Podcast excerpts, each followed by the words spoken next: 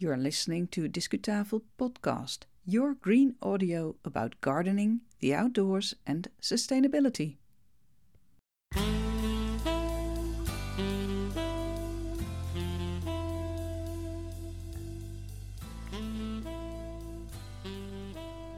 Believe it or not, but this is episode 157 of Discutafel Podcast, your own green audio.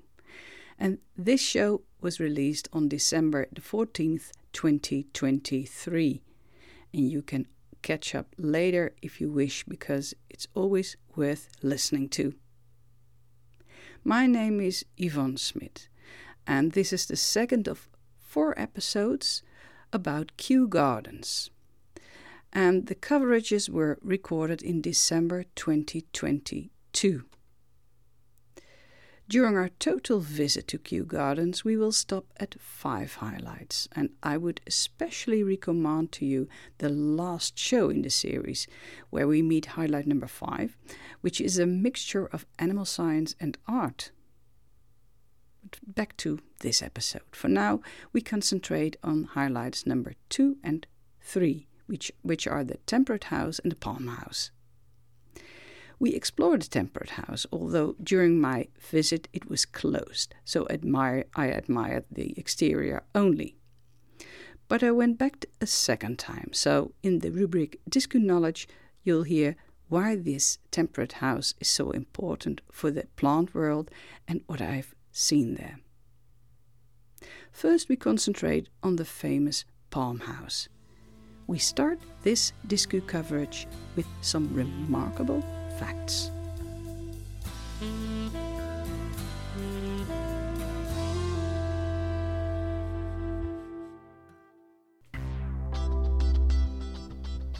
Discu coverage.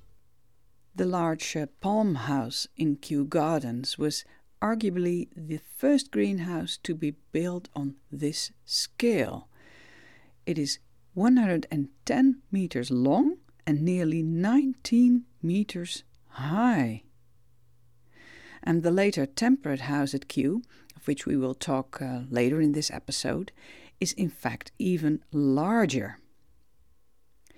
Well, this uh, palm house in Kew Gardens was constructed in 1844 and completed a couple of years later in 1848.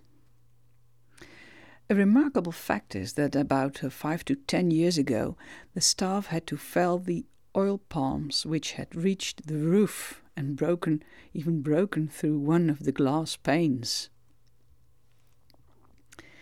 Next to the palm house is a small square glass house. It's the water lily house, and it was designed specifically to showcase the giant Amazon water lily, which was considered a natural wonder of the age. The Latin name of this plant is Victoria amazonica. This uh, small water lily house was completed in 1852, so a couple of years later than its big neighbor, the palm house. In this Discu coverage, we first discover the oldest pot plant in the world. And the famous Sir David Attenborough pays attention to this plant in a nice short video.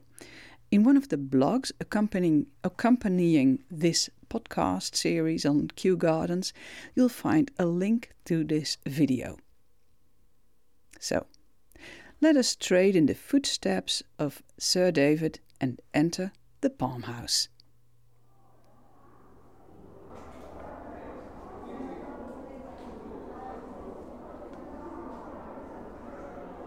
At the entry of the palm house, I see what is probably the oldest pot plant in the world. It's an Encephalartos altensteini, for your information. And this uh, plant has been lived through Kew's entire history uh, as a botanical garden, so it's quite old. It has been collected by Kew's first plant hunter. His name was Francis Masson and um, it left the shores of the Eastern Cape in South Africa in 1773 and endured a long ocean voyage before finally arriving at Kew in 1775. What I see in front of me is a big uh, pot made of wood filled with yeah, some kind of compost, some kind of sand, let's see. A Bit crumbly. And then a palm-like uh, palm-like tree, plant. So a couple of hundred years old, impressive. It's um, a little bit taller than, uh, than I am.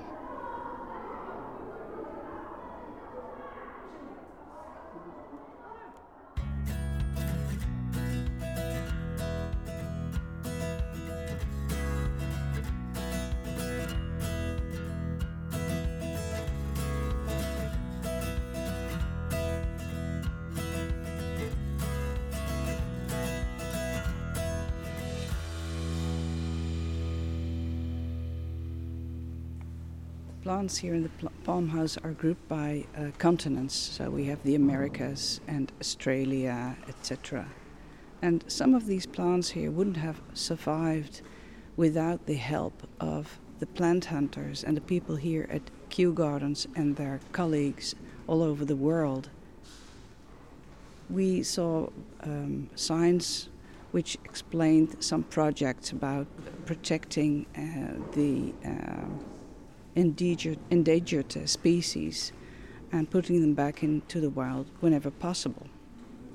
That is to say, when the war is over in Colombia or some other country in the world, um, because all kinds of conflicts and political situations make it impossible for scientists to enter those woods and nature reserves. But as soon as the problems are over, they try to protect the plants and uh, encourage them to grow back into the wild.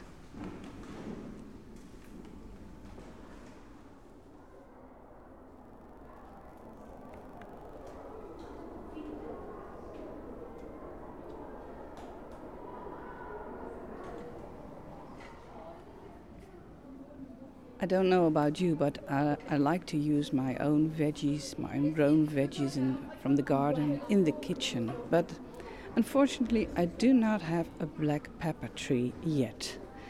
But they do have a black pepper tree here in the Palm House at Kew, in the Australasia section.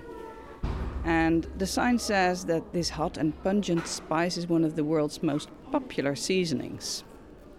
Pepper is made from the fruits of a climbing plant, the Piper nigrum, and I see a, a, uh, one of them here.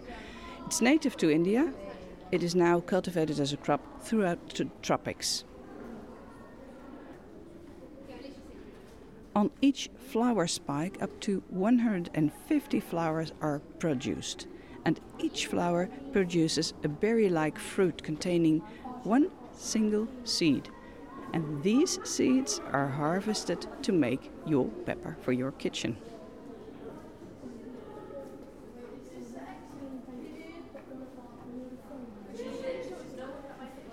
Black, white, and green peppercorns all come from this plant, this Piper nigrum. White peppercorns have had their outer skin removed.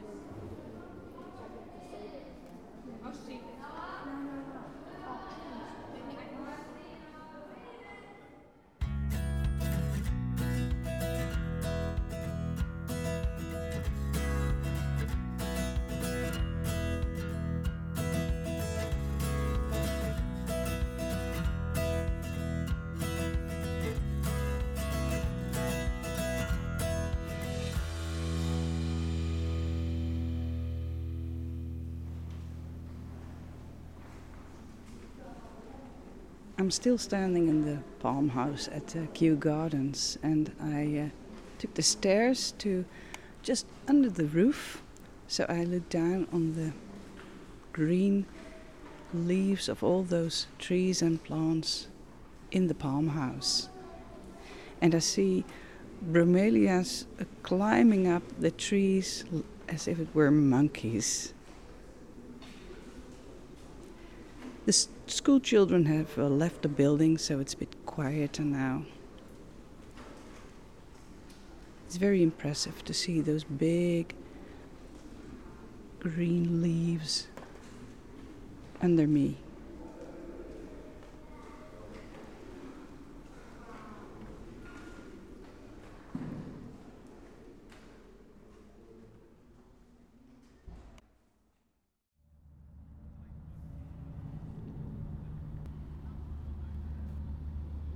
The temperate house here at Kew was formerly known as the Winter Garden, as it could be enjoyed in the winter months.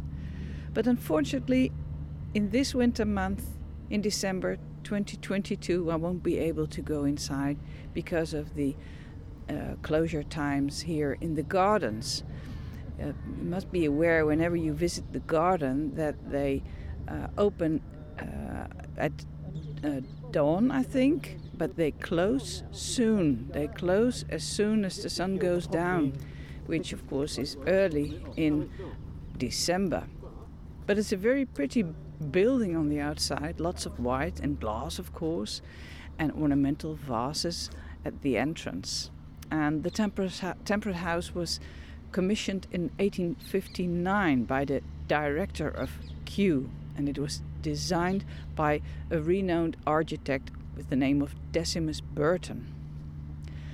It has been opened to the public for the first time in 1863, but it wasn't ready at the time. It took another 36 years to complete the building. The temperate house has been uh, restored uh, in about um, 2013 here, and it now contains 1500 plant species from the temperate regions of the earth. Many of these plants are currently rare. You heard it before. Botanical gardens like Kew play a main role in conservation and protection of rare species. That's also the case here with the plants in the temperate house.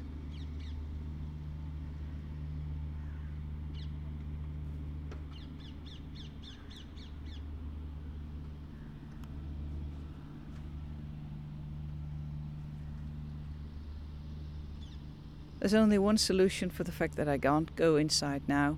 I must get, come back some other time. And I will, maybe.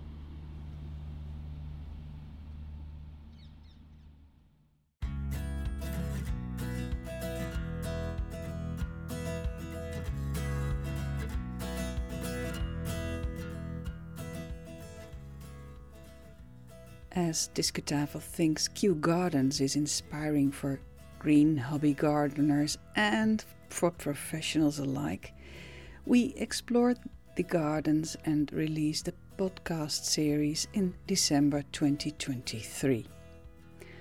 And to accompany these series, we published blogs about Kew Gardens, their history, their importance for now and for the future.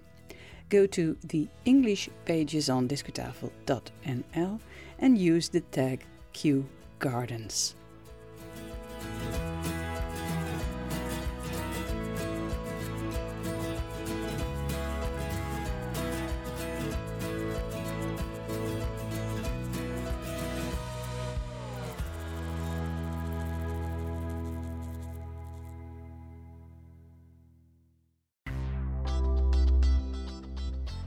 Discu knowledge.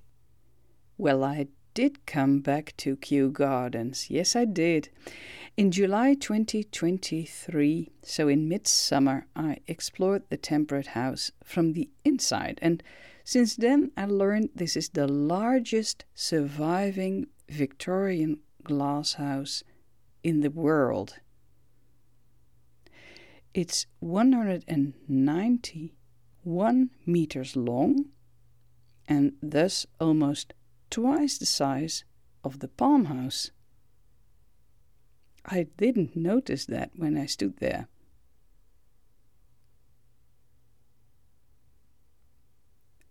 I did not make recordings during my second visit to Kew Gardens, and that was because I was on a holiday with my travel companion. So please visit discutafel.nl to see some photographs and a blog about the temperate house and its plants. For now, in the rubric of Discu knowledge, just an extra minute or so about this highlight of Kew, Kew Gardens. In the temperate house, there are temperate zones, and the temperate zones of the world are very important for us, as most of us human beings live there. And we grow our food there.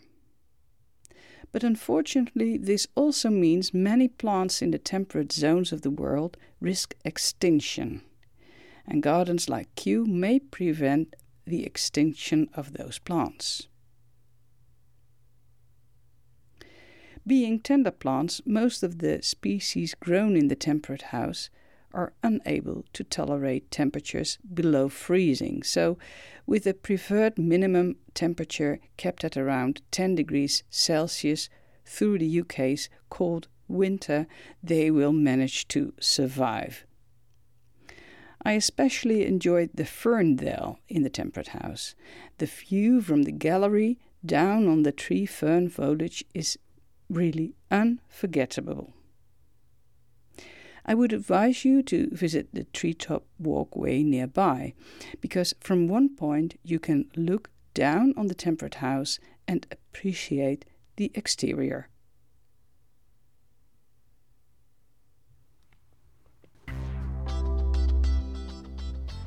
Discu finish. Unfortunately, time is up now, but don't worry, there are more shows about Kew Gardens. Thank you very much for listening to us. Please feel free to contact us on X or send us an email. We would love to hear from you. In the next episode of this series, we will visit the Princess of Wales Conservatory at Kew. We expect to release that episode on December 21, 2023. In the meantime, let's go outside, and until next time.